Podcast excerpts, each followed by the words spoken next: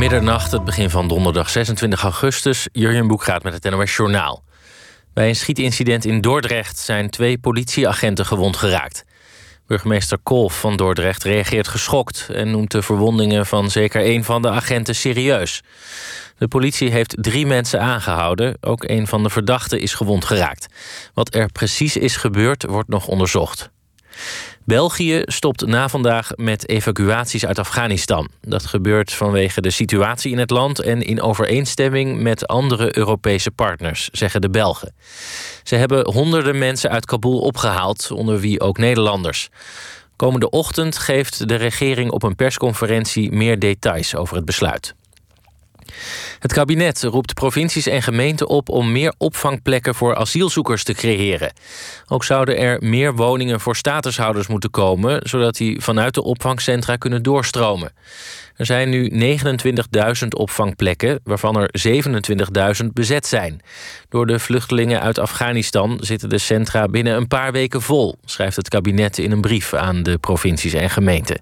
Als die niet met goede opvangplekken komen, zal er volgens het kabinet crisisopvang nodig zijn.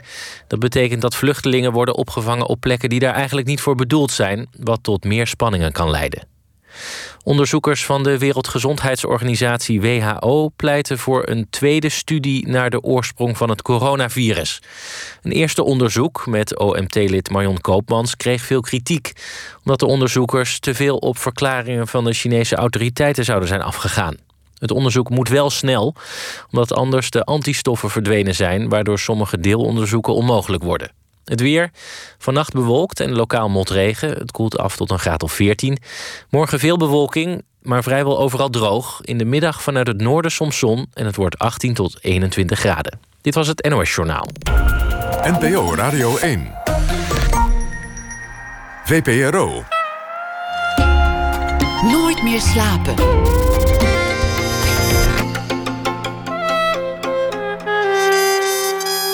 Met Pieter van der Wielen. Goedenacht en welkom bij Nooit meer slapen. Mijn gast komend uur, die was erbij. Hij heeft het allemaal van nabij gezien en meegemaakt. Hij was als jongeman oprichter van een poëziebeweging, de Maximale, die de vaderlandse literatuur op zijn grondvesten deed schudden, of in ieder geval heel veel kabaal maakte. Hij bevond zich ergens in het decor van Zwagermans roemruchte roman Gimmick over de Amsterdamse kunstenaarswereld eind jaren 80. En hij maakte van nabij de nog altijd mysterieuze bomaanslag mee waarbij kunstenaar Rob Scholten zijn benen verloor.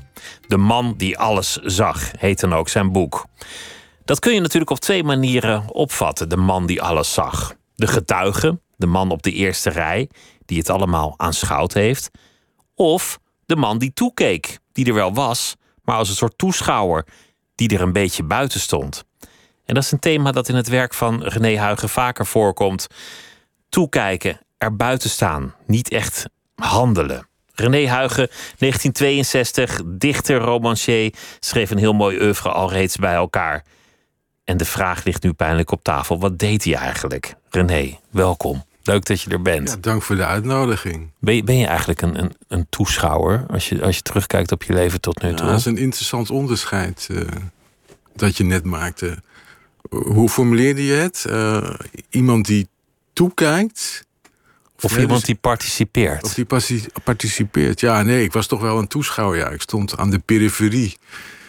Aan de rand van, aan de, de, rand van, van, van, van de dansvloer. Van de dansvloer. Nou, ik danste zelf ook wel als het dan om dansen alleen gaat. En dan jaren tachtig dansen, heel wild zwieren met je armen ja, en een beetje naar de vloer kijken. weet je dat? Dat deed je in de IT, geloof ik. Hè? En, uh, de Roxy ook, uh, de Matzo. Ja, maar overwegend uh, stond ik wel aan de zijlijn. Of, nou ja, observeerde. Ja. Wat is de zijlijn? Ik vind, ik vind het wel interessant. Wat, wat, wat is eigenlijk, wanneer ben je een actor, iemand die aan de knoppen draait van het grote gebeuren? Of wanneer ben je eigenlijk iemand die.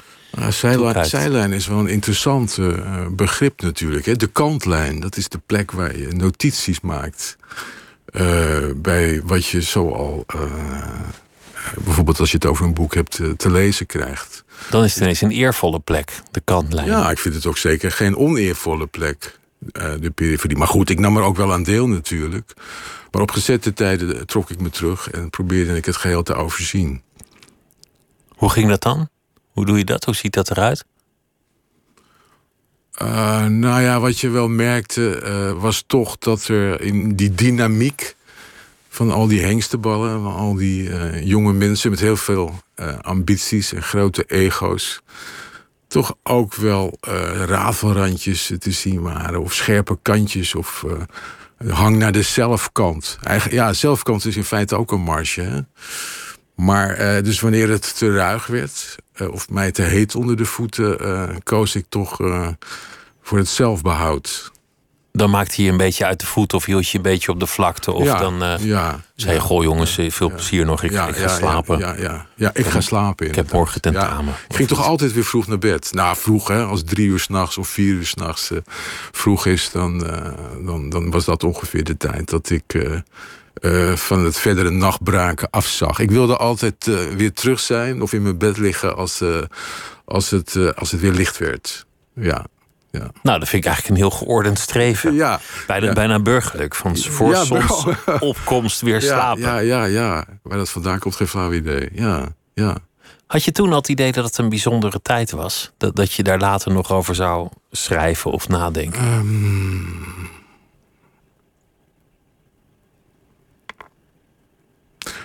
dat je je uh, bewust bent van het feit dat je uh, geschiedenis schrijft of maakt, of er onderdeel van bent, bedoel je het zo? Of, uh... ja, is het later bijzonder geworden dat je dacht, goh, dat was eigenlijk wel bijzonder? Of, of was dat een besef dat er toen al een beetje boven hing? Nou ja, dat, dat hing er wel boven, ja. Omdat mijn introductie in de, in de literatuur, mijn eerste voorzichtige schreden op het literaire pad gezet werden in Bergen. En ik kwam via een literair tijdschrift, Ergo genaamd, in aanmerking of in aanraking met uh, uh, uh, ja, lui die ouder waren dan ik, twaalf jaar ouder of zo. Dus in feite waren zij hippie geweest, behoorden tot een andere generatie. En een van hen, Brecht Zwaanswijk, dus de zoon van Lutzeber, met hem raakte ik bevriend. En, en zodoende kwam ik uh, daar wel over de vloer uh, aan het Boendemakerhof uh, in Bergen. En ja, dan, dan ben je in feite ja, toch in het centrum van, van de poëzie. Hè? Dus we hebben het over de keizer, de vijftigers. En de, dus dan, dan, dan, dan, dan waan je wel, of dan weet je wel onderdeel van een traditie of van de geschiedenis. En uh, ja, dat beïnvloedt je wel. Of dan, uh, dan ben je zo dichtbij, zulke grote namen. Ja, dan ben je zo... Zulke, zulke belangrijke plekken waar zoveel gebeurd is. Ja, daar gaat wel een zekere uh, magie van uit. Dus je bent je in ieder geval bewust van een traditie. Het is een soort initiatie. Uh, uh, maar, maar, maar tegelijkertijd was ik toch ook altijd. Ik was me er wel bewust van, maar wilde me er niet overbewust van zijn. Hè? Dus het was wel bijzonder, maar ik wilde daar verder me niet op laten voorstaan of zo. Hè? Dus... Je wilde het eigenlijk ook niet te bijzonder vinden. Nee, precies. Nee, nee. Hè? Dus ik, ik, ik, was, ik uh, was en ben geen idool. Uh, of ik, ik, ik, ik, ik doe niet een idolatrie. Hè? Dus ik, uh, je, je bent geen bewonderaar. Ik ben geen bewonderaar, ja. Dat, dat zou ik ook hebben. Dat is een ja. hele vervelende gewoonte. Ja, ja, Als je mij zou binnenlaten in Buckingham Palace, zou ik zeggen: Goh, ja, Buckingham Palace. Ja, ja, ja. En binnen no time zou ik denken: Ach, nou ja, het is ook, ook, maar gewoon maar normaal. Hè, God, het, het, het stinkt hier een Misschien beetje. is dat ook wel burgerlijk. Ik weet het niet. Dat je, dan niet, dat je niet kan denken: van nou, wat bijzonder dat ik hier toch mag zijn. Nee, ja. ja, maar kan wel, maar, maar drie minuten. Nee, ja, ja, nee, nee, dat heb ik niet. Nee, dus ik. Uh, uh, vond het eigenlijk niet meer dan normaal. Van, dat, dat je daar rondliep? Ja, vanzelfsprekend. Dat had iets gewoons ook. Ja, ja. Was het ook vanzelfsprekend dat je zelf ging dichten en publiceren? Mm, dat, je bedoelt dat, uh, dat ik het altijd al had geweten toen ik jong was? Dat ik schrijver wilde worden of zo zou zijn? Bedoel je dat? Ja, en, en of je over een drempel heen moest stappen om dat te doen. Want je, je zegt toch tegen de wereld, als je publiceert... Ja. Jongens, hier ben ik. Ja. Lees dit. Ja. Dat is toch ja. een moment dat je, dat je de aandacht vraagt. Ja, ja. Ja, het kwam eigenlijk op mijn weg voordat ik uh, schreef of ging schrijven. Dat was een jaar of 16, 17. Schaakte ik heel erg fanatiek. En uh, op een gegeven moment verveelde ik mij met uh, een tegenstander. En schreef in het notitieboekje ja, wat regels op waarvan ik dacht dat het een gedicht was. En dat stuurde ik destijds op naar De Plug. Dat was zo'n jongere tijdschrift. En Jos Knipscheer had, geloof ik, een literaire rubriek in dat tijdschrift. En dat gedicht is nooit gepubliceerd, maar zo is het gekomen dat ik gedichten ging schrijven tijdens het het spelen van een, schaakwedstrijd. Dus dan deed je de F4, E3, je hoort al, ik ben geen schaker. En, dan, ja, ja. En, en, intussen had je dan twee dichtregels. Ja, bijvoorbeeld. Ik en je tegenstander maar wachten. ja, nou nee, je wacht altijd natuurlijk op eh, de tegenzet. Oh, andersom natuurlijk. Ja, andersom, ja. En, dus, en, dan, en dan kijk je af en toe naar het bord of je loopt wat rond. Hè, dat kan je ook doen. Maar ik schreef in plaats daarvan gewoon wat regels op. Ik verveelde me met de wedstrijd. Zo begon het. Wat, wat voor regels waren dat dan? Ja, dat ging over ja, heel vanzelfsprekend eigenlijk. Of voor de hand liggend. Dat ging over paarden. Nou ja, goed. Uh, het was oh ja, verder, dat is logisch. Het was verder ook niet bijzonder. Uh, het was slechts een aanzet. Uh, maar goed, ik schaakte heel fanatiek. En, en, en ik begon zo wat uh, dichtregels op te schrijven. Of wat daarop leek. En van het een kwam het ander. En, en, um, wat vond je in de poëzie? Mm, nou ja, het... Um, in de poëzie uh, worden werelden voor je geopend. Uh, ja, die zo eigen zijn. Die je niet kent van de wereld om je heen.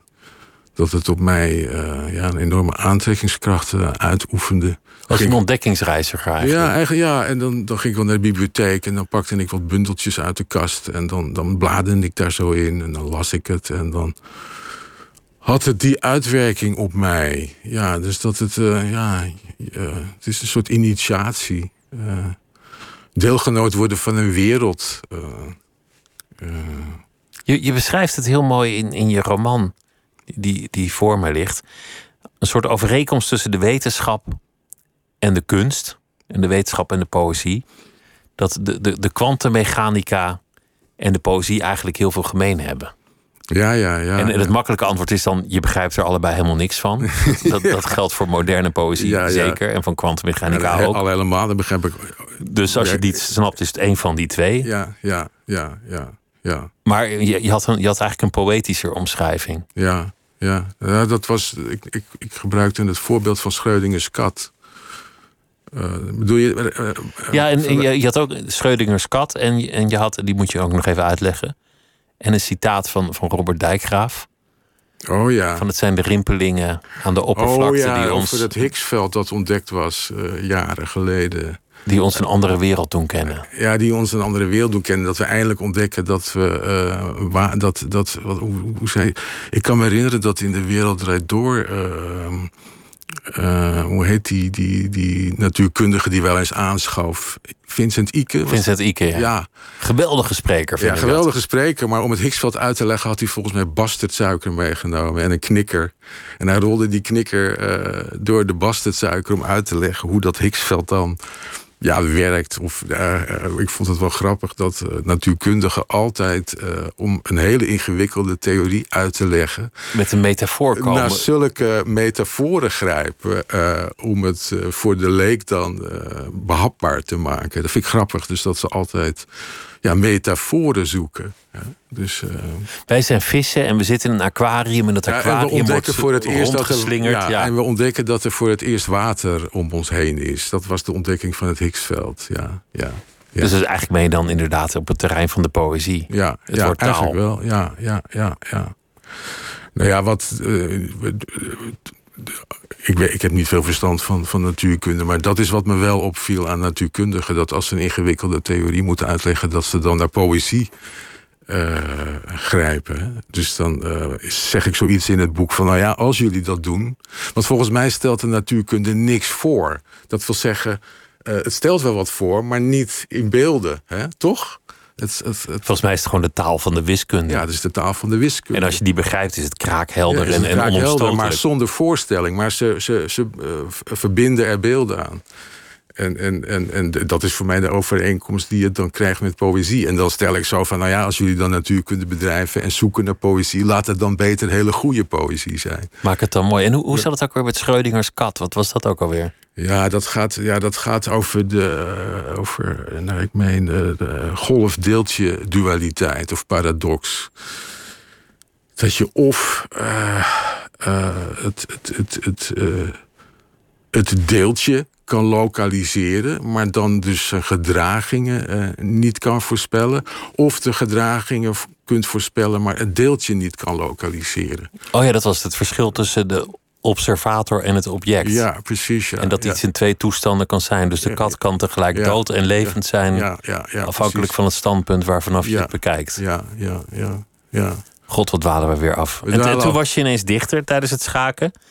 En, en dan komt ineens het moment, ik maak een grote stap, dat je een eigen poëziebeweging opricht als een, als een jonge rebel, als een geletterde Guevara die even de boel komt opschudden. ja. Hoe, hoe gaat zoiets?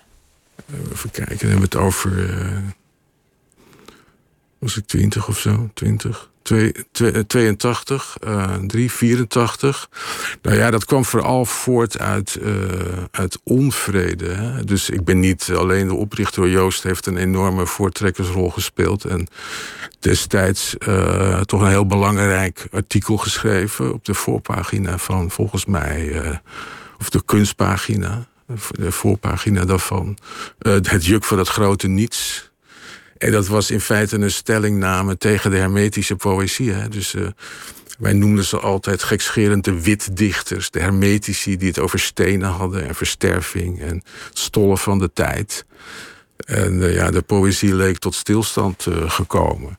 En ja, alles was zo verstild en, en, en de versterving het was gewoon een dode, dode boel geworden. Ja, dat iedereen hetzelfde walmde uit de gedichten op. En uh, ja, daar hadden we genoeg van. En, uh, en dus rebelleerden we. En zochten we ja, gelegenheid om daar uiting aan te geven. Of uitdrukking aan te geven. In feite is het dan niet, ik probeer het te citeren, gewoon herhaling van wat Lutzeberg in 1952 al dichtte. ik tracht op poëtische wijze dat wil zeggen, eenvouds verlichte waters. Uh, de ruimte van het volledige leven tot uitdrukking te brengen. Uh, dus eigenlijk, uh, ja, wat wij deden was daar nieuwe, op, opnieuw vorm aan geven. En nou ja, dat deden we op die hermetici of op de poëzie die toen geschreven werd. Nou ja, goed, en er kwam van alles samen. Hè, dus ehm, eh, Joost en ik kenden elkaar. er was ook al een Amsterdam-connectie uh, met Koos Dalstra... die al veel eerder uh, zijn maximale programma had. En dat je Bosma en Frank Starik, die maakten deel uit van de, van de Bijlgroep. Dat was ook zo'n schotschrift of een blaadje. Ja, en die vonden elkaar in de loop der gebeurtenissen. En dat culmineerde in het tijdschrift, of in, het, in de bloemlezing maximaal. En toen hadden we dus. En toen was het ook meteen een, een, eh, een beweging, als het ware. Nou ja, goed, dat, dat wordt er dan van gemaakt. Ik weet nog wel dat er heel erg uh, over geschamperd werd. Of dat men heel erg boos was. Hè? Dus die stenen in de vijver. Nou ja, de stenen in de vijver. Als je het hebt over verstilling en versterving. En uh, de poëzie is tot stilstand gekomen. Dan moeten de dichters toch ook wel slapen, nietwaar? Dus uh, een, knal was al genoeg, hè, of een, een, steen in de vijver was al genoeg om ze uit hun sluimer op te doen schrikken. En wat, wat, wat, was dan de boosheid? Uh, nou, dat, nou ja, dat, wat wij deden was ongehoord. Hè? Dus dat wil zeggen dat wij uh, nog voor. Ik, ik, ik, stond volgens mij in die bloemlezing nog voordat ik een, een, een dichtbundel had gepubliceerd. En een aantal anderen uh, uit die groep, die hadden ook nog uh, geen bundel op hun naam of zo. Hè? Dus wij begonnen uh, meteen maar als soldaten te vechten. Um, nog voordat er in de ogen van de Lies Nurkende dichters een pleite beslechte was. Snap je? Dus wij spraken voor onze beurt. Dat is. dat, dat, dat was de, zo gaat het altijd tussen de generaties. Ja, De oude generatie denkt, maak het eerst maar waar, snotneus. Ja, ja, en de jonge generatie denkt, ga nou eens weg, Beethoven. Ja, ja, nou precies. Dat... En, dat, en dat gaat volgens mij tot in den, den einder zo door. Ja, ja. En waar, dus, maar goed, in, in uh, ja, alle kranten, Volkskrant, NRC, Parool, nou, noem ze allemaal Trouw, Elsevier de tijd had je toen nog, voordat het HP de tijd was. HP, eh, nou, noem alle bladen maar, uh, sprake schande. van die vertoning. Nou ja, en die, dus, die bloemlezing verscheen dan. En die werd gepresenteerd in de Roxy van Peter Gielen. daar lazen wij de gedichten voor. Met in het voorprogramma William Burroughs, de oude beatnik. Dus daar kwam alles bij elkaar. Het uitgaansleven, de kunstenaarswereld. Ja, ja, ja. Het nihilisme, de krakers zien. Ja. Het, hedonisme van de jaren tachtig. Ja, en ik weet nog dat... Ehm, dus na, na het optreden en was het feest... dat, dat, dat, dat, ik toen... Nou, misschien uh, had ik vaker uh, uit moeten gaan... dan had ik eerder op de eerste klanken en maten van de housemuziek gedanst. Ik kan me herinneren dat in het feest uh, na afloop... housemuziek klonk van Frank Knuckles of zo. Dat was toen nog heel nieuw. 17, of nee, 1988 of zo was dat. Toen begon dat en uiteindelijk ging, ging die tent die kant op? Ja, die kant op, ja. ja, ja. En dat werd weer een heel andere fase in de geschiedenis. In dit boek heb je van jezelf een personage gemaakt. Althans, het, het, heeft bepaalde trekken van jezelf. Ja. En dat is een man die in het heden leeft, maar ook een beetje terugkijkt op wat er toen allemaal is gebeurd. Ja. Vriendschappen probeert te onderhouden, maar daar eigenlijk niet heel erg in slaagt. Dan zoals ik het heb gelezen. Vertel eens. Ja, je moet me dat even in herinnering brengen dan. Een vriendschap. Ah. Nou ja, bijvoorbeeld met Rob Scholten. Oh ja, ja, ja, ja, ja, ja, ja, ja. Oké, ja, ja, ja. En een van de dingen die, die, die ik echt ontzettend leuk vind, omdat het in het hele boek doorkomt, het staat ook op de kaft is dat de, de, de stortbak van de doortrekker kapot is. Ja. Dat is de enige urgentie die een mens echt heeft, is als je naar de wc moet. Ja, ja. En daarnaast is het ook al fijn als de doortrekker het doet. Ja. Het wordt een, een slepend conflict met een Amsterdamse loodgieter. Ja. Het vermoeden dat hij je probeert te flessen door die stortbak in beslag te nemen en hem dan op marktplaats te zetten. Ja. Dat kan zomaar geld opbrengen. Dus hij denkt, nou dan doe ik het zelf wel. Ja. En deze padstelling wordt niet opgelost, waardoor de wc ook nooit meer wordt gemaakt. Ja. En hij uiteindelijk wel gewend raakt aan een emmer die ernaast staat. Ja, om door te spoelen. Ja. Een fenomenale metafoor voor, voor heel veel dingen. Ja. Misschien wel het meest voor de passiviteit van het personage ook. ja. Ja, dat is. Ja, kijk, wat, wat de, dus het hele schrijfproces hè, van iemand die reflecteert uh, op het verleden of de jaren tachtig, is in dat boek meegenomen. Hè? Dus die, die, die Reinhard, Reinhard, dat personage, mijn alter ego uh, dat ik ben, uh, is dus passief in zoverre dat hij wel handelt. Namelijk, hij is bezig het boek te schrijven, niet waar? Maar uh, dus, hij komt niet echt de deur uit. Hij kijkt vooral uit het raam. Hè?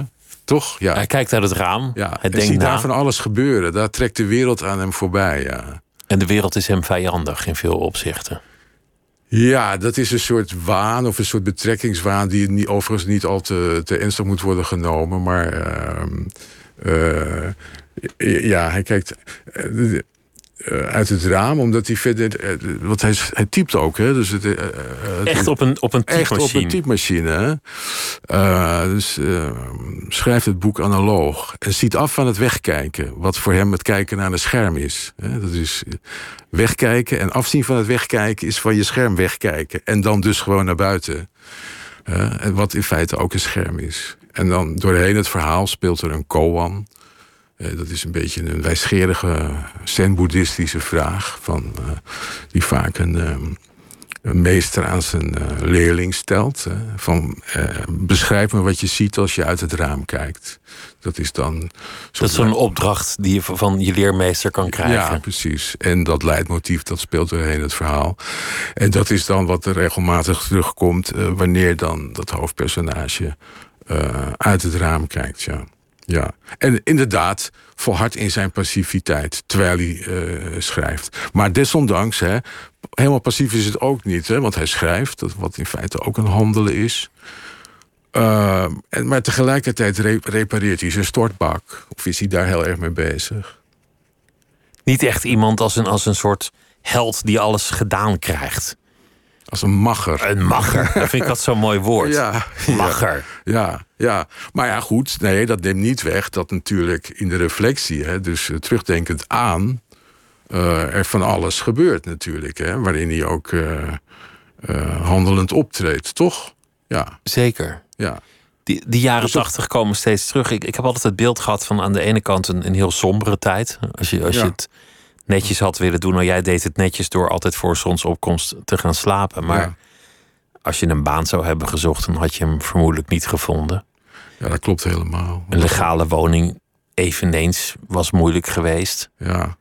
En, en dus in die marge waar veel mensen zich bevonden, heerste volgens mij ook een soort sfeer van, nou ja, het maakt allemaal eigenlijk helemaal niet zo heel veel nou uit. Ja, er verscheen toch ook op blinde muren overal die tag uh, no future. No future, ja. En er waren honderdduizend, of honderdduizend, wat zeg ik, een miljoen werkelozen. Of, of dan had je nog de bom. Ja, hè, de bom. Van, haal maar lekker diploma, ja, straks ja, toch de bom. Uh, uh, het was ook wel, hoe noem je dat, grimmig. Zo nu en dan.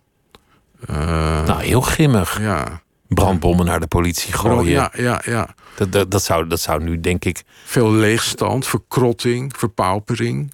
Maar toch ook was de stad van ons. dus we zochten elkaar op uh, aan de rafelranden van de stad. Dus in de kraakpanden, Aorta, W139. En daar we onszelf een podium en richtten ook uh, ja, de, nodige exposities in. Hè. Dus uh, ik citeerde net een strofe uit dat gedicht van Lutze Ber. Dus de ruimte van het volledige leven tot uitdrukking te brengen dat wil je wel in de openbaarheid doen. Hè? Dus dat, dat, dat, daar, daar, daar moet je, die ruimte moet je wel nemen. Die wordt je niet gegeven. Het was de doe-het-zelf maar lekker generatie. Ja, wij waren bricoleurs. Wij waren van de doe-het-zelf generatie. Um, uh, we wachten niet af, we vatten het zelf aan. Hè? Dus maakten zelf tijdschriften. En wat succes was helemaal geen reden om daarvan af te zien. Ik herinner me nog dat Roky Wieg een belangrijke debuutprijs won. Maar rustig ook zelf met Jan Kostwinder uh, zijn eigen blaadje maakte. Adem heette dat. Uh, dus zo verkenden we elkaar en de wereld. Hè. Je moest erop uit. In die tijd realiseerde ik mij... Uh, had je nog niet eens het antwoordapparaat, volgens mij. Dus je had een telefoon en dan kon je elkaar bellen. Als je er niet was, had je pech. En anders moest je op de fiets stappen en naar buiten toe. En kijken of iemand in zijn vaste ja, café en, zat. en elkaar opzoeken. En, en, en, en zo verkende je de wereld. En zo vond je die ruimte die nodig was om jezelf te, ja, te verwezenlijken of manifesteren.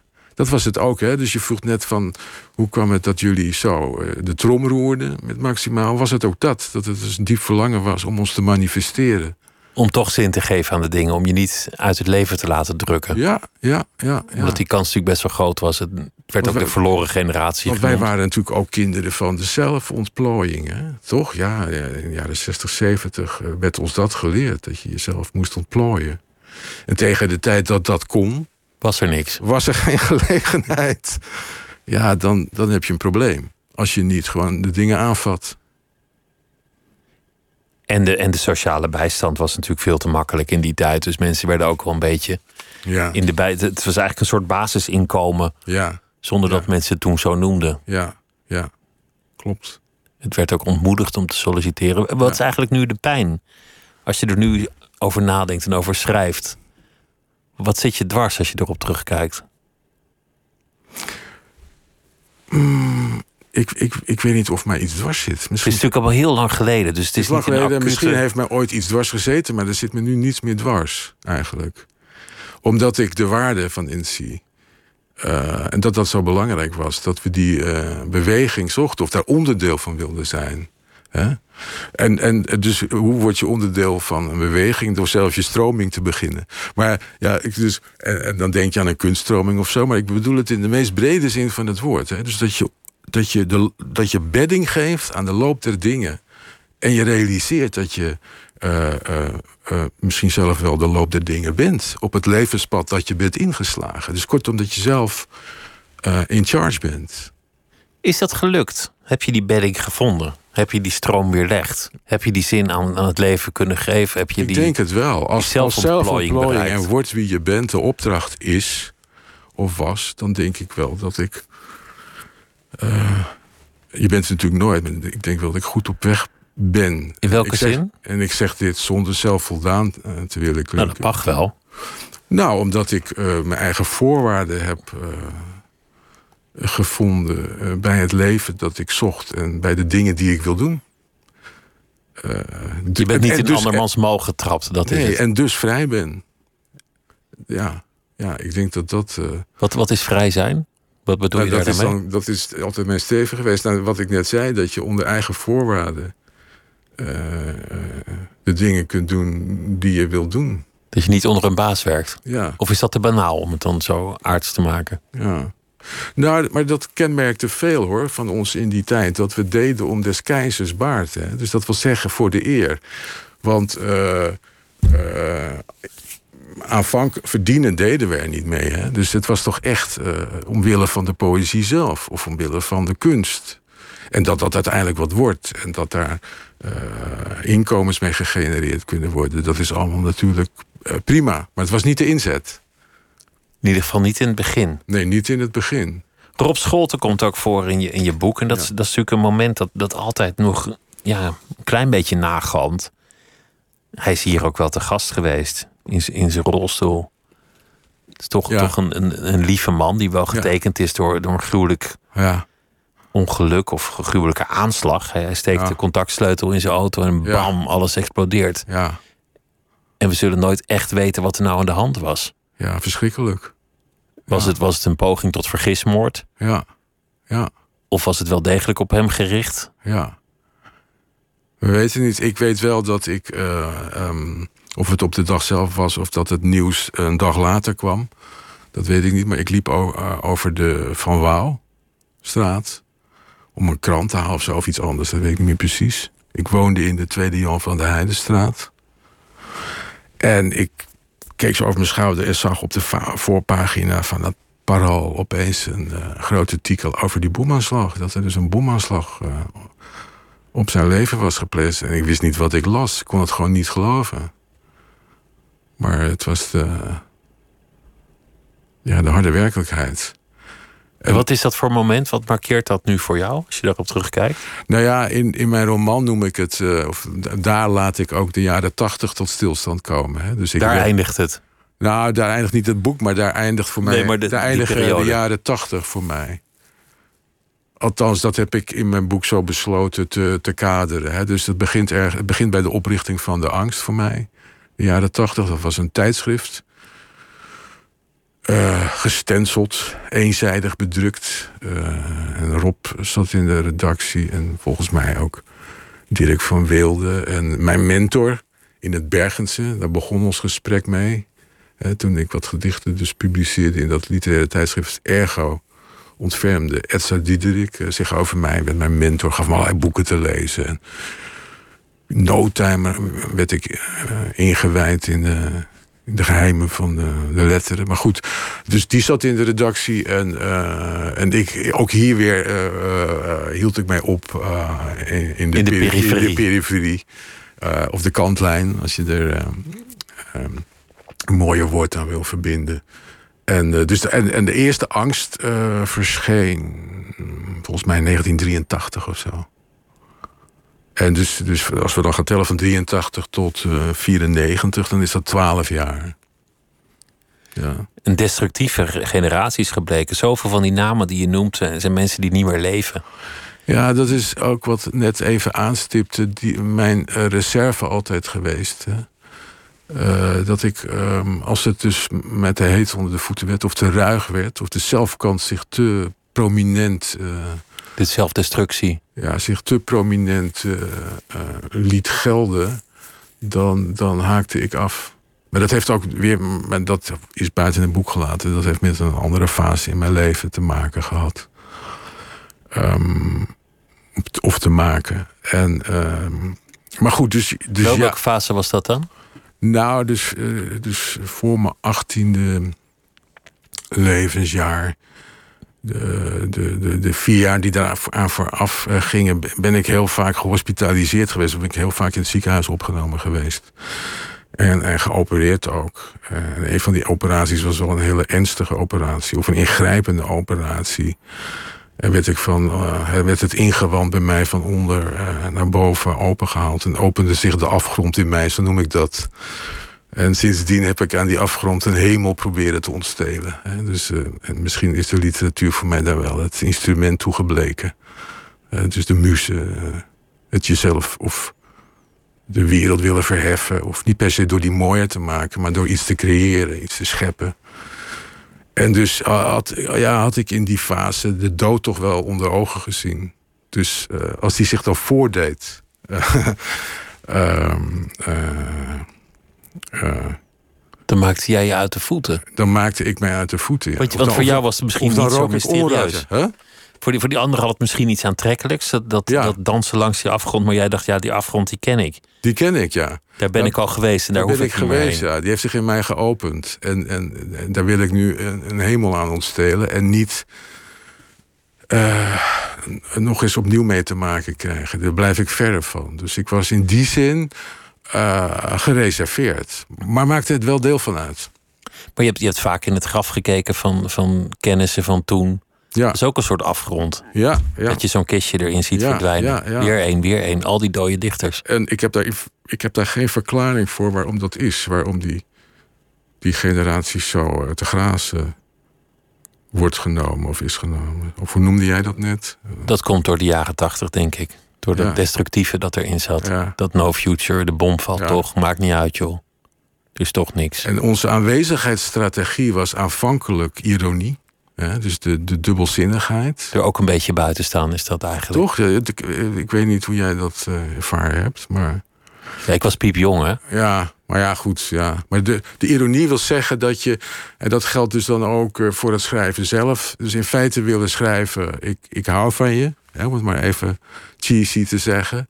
Maar weten dat je daar niet mee wegkomt, omdat je dan achter je rug wordt uitgelachen. Dus dan zeg je, ik vind je eigenlijk best leuk op je eigen manier. Ja, maar dus dat je dus in feite nooit eh, eh, de- de- de, ehm, oprecht kunt zijn. Dus het oprechte in de literatuur verdween door de ironie. Ehm, Alles via een omweg. ja, dat alles via een omleg, omweg eh, eh, gezegd werd of gecommuniceerd werd. Maar die ironie is dus in de tweede helft eh, van de jaren tachtig volgens mij, toen kreeg je die juppen ook, eh, in cynisme veranderd. Hè? Toen werd het opeens, eh, if you can't beat them, join them. Hè? Dus men verloor ook het eigen geloof of het goede geloof in de, in, in, in de intenties waarmee men nooit eh, begonnen was, zoiets. hè. De idealen die, die staken bleken af tegenover die- de aardse voordelen. Ja, ja, ja, ja. Dus van ironie naar cynisme. En eh, ja, misschien dat het. En dat, en, en dat in die tijd de concurrentie onderling ook heel groot werd. En dat dat misschien eh, ja, slachtoffers maakt. Ik weet het niet. Dat is een interessante theorie. Voor, voor wie net inschakelt, René Huygens is hier. Hij is dichter en schrijver en heeft een boek geschreven, De man die alles zag. Dat is een boek over een eh, schrijver die achter een typemachine, een echte ouderwetse typemachine die dreunt, waar de buren dan ook meteen over komen klagen. Want dat getik, dat klinkt door door de dunne wandjes. Terugkijkt op zijn leven en daar, daarin heel veel dingen in zijn bestaan beschouwt. Je hebt ook in je poëzie het wel eens opgenomen voor de figuranten. Je hebt een, een, eh, gedicht van Pessoa bij de hand genomen. Oh ja. Oh ja. En dan heb je een, een persoon die eigenlijk helemaal niet zo'n grote rol in dat gedicht speelt. Ja. Uit, eh, ja, heb ik een erepodium gegeven. Ja, uit, hoe heet het, de tabakswinkel. Ja de- dat was Steven, ja. ja. en en die, heb je, die heb je een erepodium gegeven. ja, Eigenlijk, eigenlijk een vol licht op de onbeduidende figuur. ja. Wat is, dat, wat is dat voor ideaal? Zoals ik ook al in deze roman oog heb voor de buren hè, en de mensen die, aan mij eigenlijk voorbij- niet- niet heel erg toe doen. Wat dat voor ideaal is, ja. ehm, Het licht op de figurant. Ik vind, ik vind het wel mooi. ja, ja. Misschien wat licht op hen die in de periferie zich ophouden en, en het geheel overzien. En van wie wij denken dat ze buiten beeld staan of zijn of blijven, maar in feite toch een hele interessante positie innemen. Je, je, ik, ik weet het niet. Ja, je vraagt me daarnaar, dat is een goede vraag. Maar ik heb er niet een pasklaar antwoord op waarom ik het... Ja, je zei de kantlijn is de plek waar je de gedachten schrijft. Ja, ja, Het zijn misschien de mensen langs de rand die het beter zien dan de mensen die ja, zo druk zijn ja. de geschiedenis te, ja, te maken. Ja, ja, ja. Nou ja, goed, ja. ja. Ik vroeg me nog even af of, of in het verlengde. Ik probeer, wat denk je, is de, de tijd in de jaren tachtig, die, die waren ooit, 40 jaar geleden. Ik vraag me af of er bijvoorbeeld, hè, als we het dan toch over de marge hebben of de kantlijn, of er vergelijkingen met het heden te maken zijn. Of er niet ook weer nu een generatie is dat het, uh, die het moeilijk zal krijgen. Dat is wel interessant, omdat dat, dat die verloren generatie, dat was natuurlijk voor een deel werkloosheid. Ja. En die millennials, die, die hebben eerst de hele kredietcrisis over zich heen gekregen. Ja. waarin, waarin heel veel toekomst werd weggeslagen. Ja. Heel veel mogelijkheden werden afgenomen. Ja. Probeer maar een koophuis te vinden, bijvoorbeeld. Ja. Gaat je niet lukken. Ja. Toen die hele corona er nog eens overheen. Dus, dus die, die zijn ook allerlei mogelijkheden ontnomen, maar die hebben. Ja, en hoe vind je dan je weg? Ja, die vinden, die vinden volgens mij prima hun weg op hun eigen manier. Ja, ja. Dus hoe Door het gewoon ook zelf te doen. Ja, dus dat is, dat, dat is mijn vraag. Of, of de generatie van nu ook een doe-het-zelf generatie is. Dat er een diep verlangen is om zich te manifesteren. Ja, maar dan niet, niet zoals jij zei, je moest op je fiets springen naar het café gaan. Want één post op social media is genoeg om het te laten lijken alsof het allemaal al gebeurd is. Ja. Ja. Dat is het grote verschil, het internet. Ja, ja. En veel minder destructief volgens mij. Ja. Dit, dit, zijn, dit zijn geen. Uh, de dertigers van nu, die gaan niet allemaal op hun 55ste dood. Nee, dat weet ik nu al. Nee, nou, dat is beter ook. Ik gun het zo hoor, dat, dat, dat, dat, ze, dat ze langer leven. Mm. Ja. Ik wil nog even een ander boek van je, van je bespreken. Ja, wat, wat, ik, wat ik heel geestig vond. Ja, het was waarin je eigenlijk zelf ook, ook jezelf opvoert als een soort alter ego. Ja. En dan een alter ego dat een kind krijgt en denkt in welke familie wordt dit kind nog meer geboren behalve mijn eigen familie. En dan de familiegeschiedenis ja. van, zijn, van zijn echtgenoten gaat onderzoeken. Ja. En dat, dat vond ik een heerlijk gegeven, omdat je meteen al denkt: doe dat niet. Wat een slecht idee. Ga niet in de familiegeschiedenis van je partner duiken. Misschien je eigen, maar niet die van je partner. Nee. En dan langzaamaan introduceer je alle, alle giftige ingrediënten. Ja. Koloniale geschiedenis. De, de, Tweede Wereldoorlog. Ja, alles wat je beter niet. Familiekapitaal, nou ja. ja. Verkeerd afgelopen verdelingen en erfenissen, ga zo maar door. Ja. En, en omdat het een romancier is, ook steeds meer fictie erin, waardoor het helemaal een ravage wordt. Ja, ja. Nou ja, eigenlijk kent dat boek het, het, een, eenzelfde procedé als het boek dat we uh, net besproken hebben. Dus dat een schrijver uh, ja, het schrijfproces um, meeneemt uh, in de roman die hij schrijft. Dus dat er voortdurend ook een terugkoppeling is naar de momenten dat hij schrijft. Alsof je een soort wand doorbreekt. Ja, dat, dat je, je, ook een dat wand doorbreekt. Ja, ja. En um, ja, dat is alweer een tijdje geleden dat ik heb geschreven. Maar dus de, het idee is, en, en ja goed, dus, um, dat boek is in 2016 uh, geschreven. Dus de verteller, uh, uh, hè, als, mijn alter ego was toen vijf jaar jonger. en dan dat alter ego hè, in, in de roman die we net bespraken. Um, um, wat wilde ik nou zeggen? Um, Hetzelfde procedé, dus dat, dat, je, dat je het schrijven van het boek en het verhaal van het boek door elkaar heen laat lopen. Ja, maar ik wilde daar iets aan verbinden en dat ben ik nu even kwijt. Waarom ik dat interessant vind. Ja, ja. Ja, dat komt wel weer dan. Ja, denk komt ik. wel weer. Ja, nou ja, in ieder geval. Dus dus um, ik had gedacht ook dan na deze roman nog een derde roman te schrijven. Een soort trilogie. Om dan datzelfde alter ego. Oh ja, dat wilde ik zeggen. Dus het is. Um, uh, ik beschrijf daarin ook uh, via dan uh, haar familieleden. Um, in het nabije verleden een periode uit de jaren 50 en 60 ook. Hè? Zoals die uh, eigenlijk de mol van Otterlo, die is groot geworden in de, in de jaren 50 en 60. En het leven, de levens die ik in die roman beschrijf, hè, uh, en ook met mijn rol uh, die ik daarin speel, in dat familieverhaal, hè, dus door op onderzoek uit te gaan en mensen te interviewen, is een totaal andere dan de rol die ik in deze roman, de man die alles zag, speel. Het stijlregister is ook een heel andere. Hè Dus dit is veel flitsende proza. En, en dat andere boek, dat is toch wat... Uh, uh, natuurlijk ook wel flitsend, maar... Wel echt een andere stijl. Een andere stijl, een andere gister. Uh, dat veel beter past bij die tijd. Hè, bij de jaren 50 en, en 60. Als je dan ook wel bronnen leest of brieven uit die tijd. Dat Nederlands is zo anders. Uh, is ja, je speelt ook met die, met die stijl. Ja, daar speel ik mee. Ja, ja, ja. Dus, um, nou ja, goed. Um, dus, dus, dus, dus, ja, in, in feite uh, beschrijft, beschrijf ik aan de hand van mijn alter ego...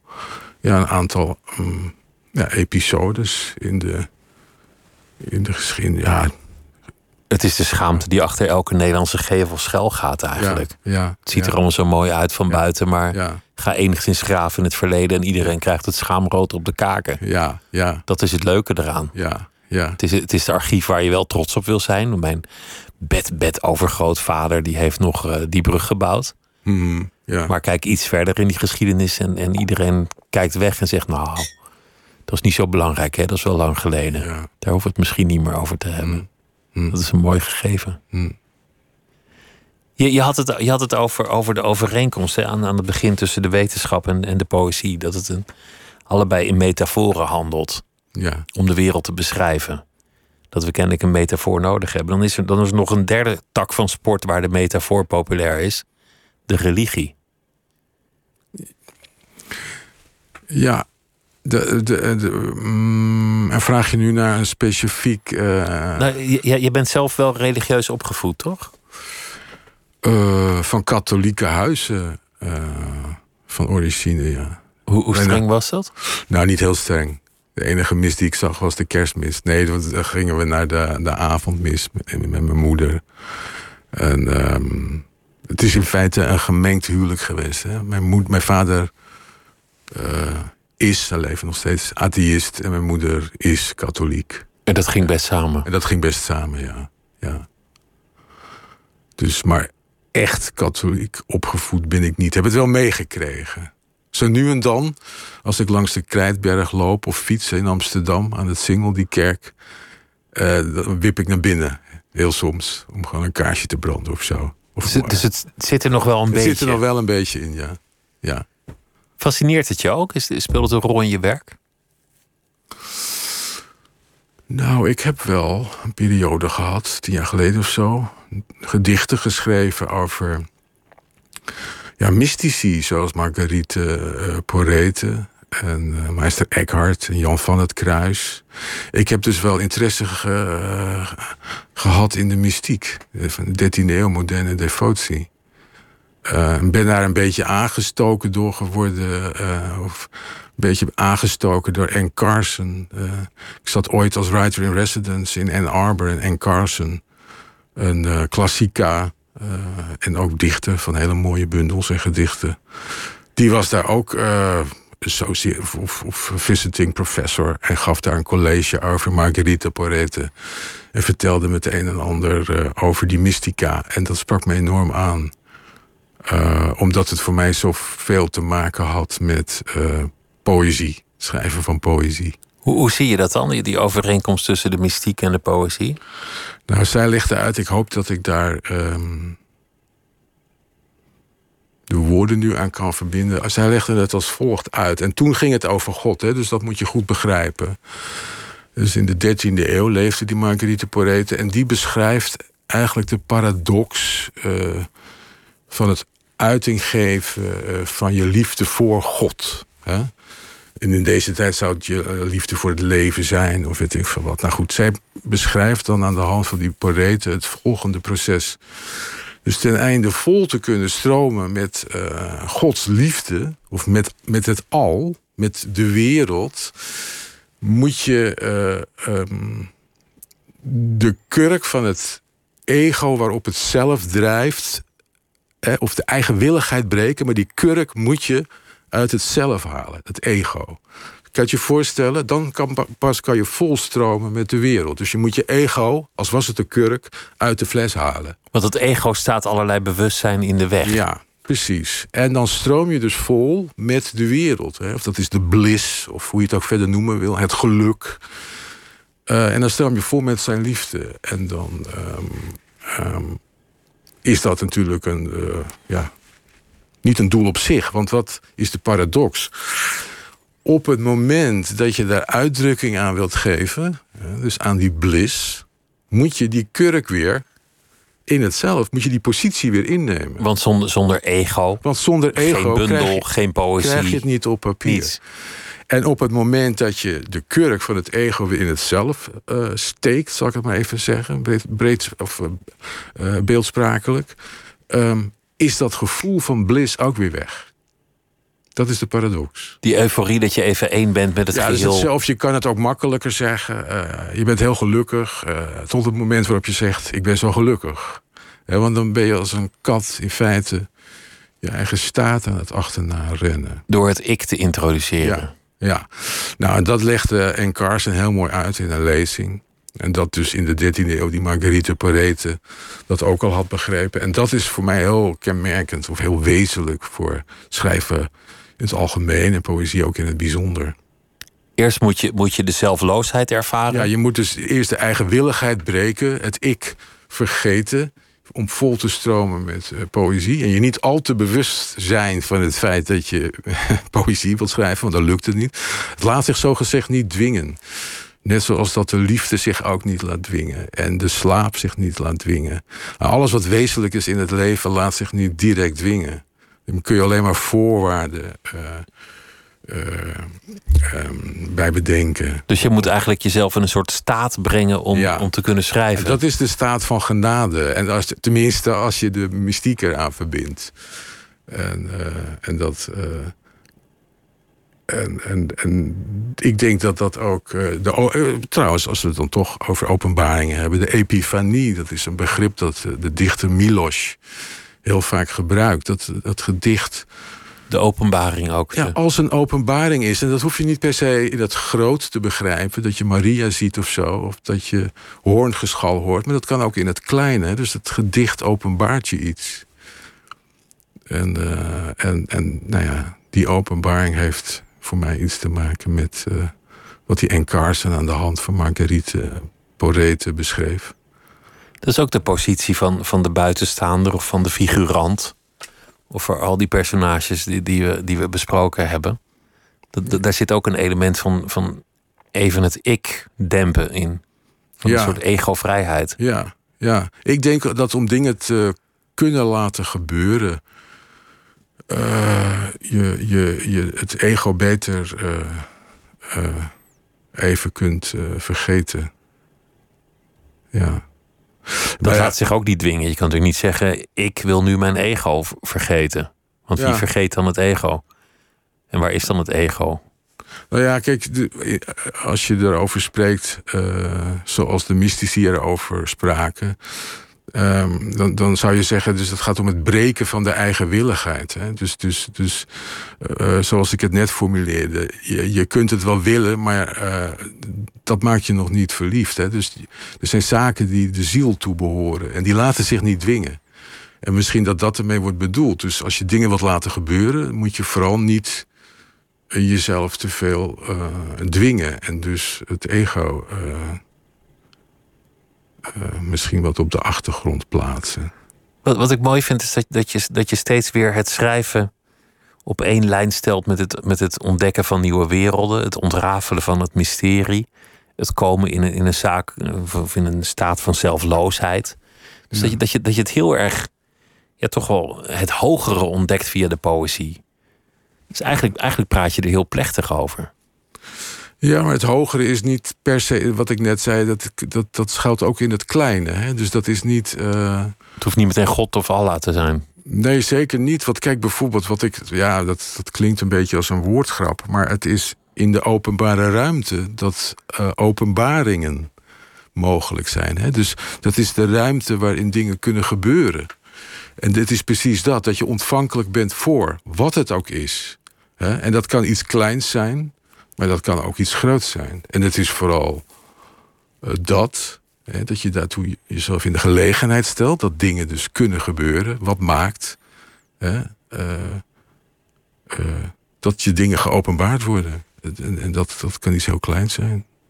Je, je hebt ook wel eens gezegd over, over bepaalde bundel van poëzie is eigenlijk ook een brief aan de lezer. Ja, ja. Het is eigenlijk alsof je een brief schrijft aan iemand. Ja, Zo, zo direct moet het zijn. Ja. Dat, dat vind ik ook wel een mooie manier om er tegenaan te kijken. Dat, dat je iemand ongevraagd een brief stuurt. Ja, en dat die ander dan niet uh, geërgerd. Uh, Denkt van god, spam. Van, wie stoort mij hier? Eh? Wat wil die van me? Wat wil die van me? Ja. ja. Nee, maar goed, waar zijn we als, de, als het gesprek een vrije wandeling is? Waar zijn we uitgekomen? Uh, uh, nu, na? We nog... Waar we zijn uitgekomen? We zijn, we zijn begonnen met, met uh, de positie van toeschouwer. En of jij eigenlijk in je bestaan altijd een, een toeschouwer bent langs de zijlijn. En dat omarmde je volgens mij wel. Maar, maar je zei het wel mooi, van daar wordt gedacht. Die kan het overzien. Dat is degene die kijkt. Je hebt ook wel verteld dat je verstandig was om altijd voor zonsopgang weer te gaan slapen. Mm. Om niet te diep mee te gaan in de, in de mm. zelfkant. Mm. Je hebt verteld over de poëzie, dat je die ontdekte na een periode van ziekte. Ja.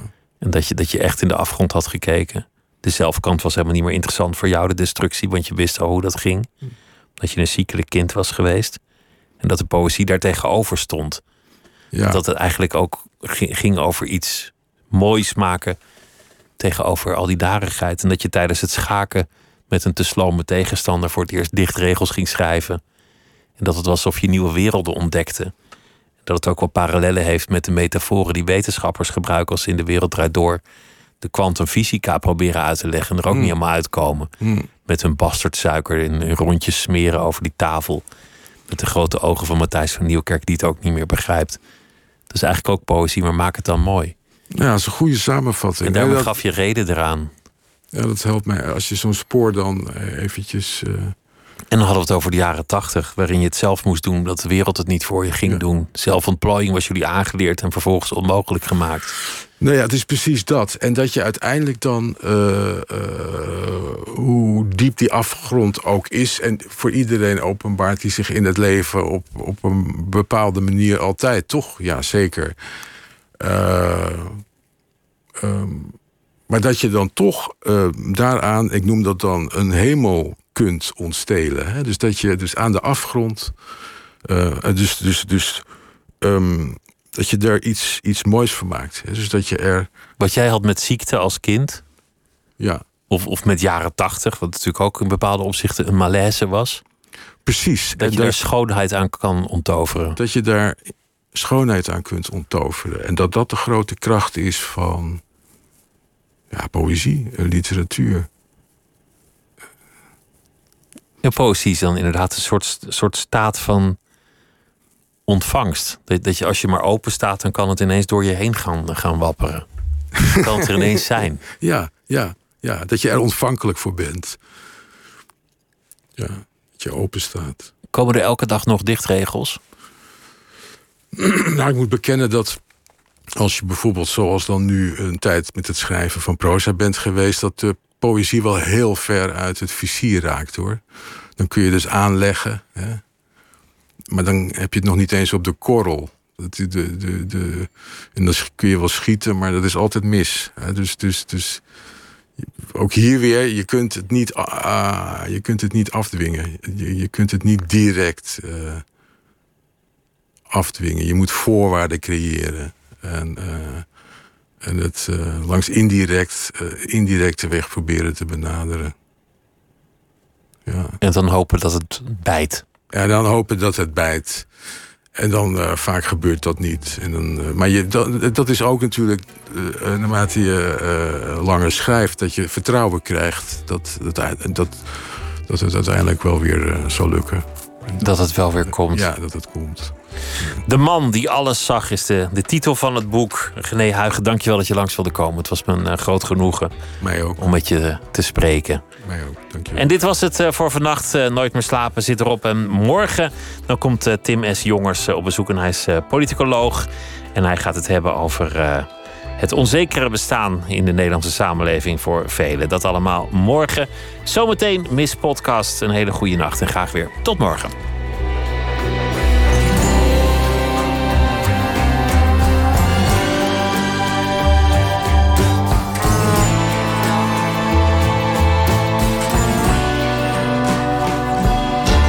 Op Radio 1, het nieuws van alle kanten.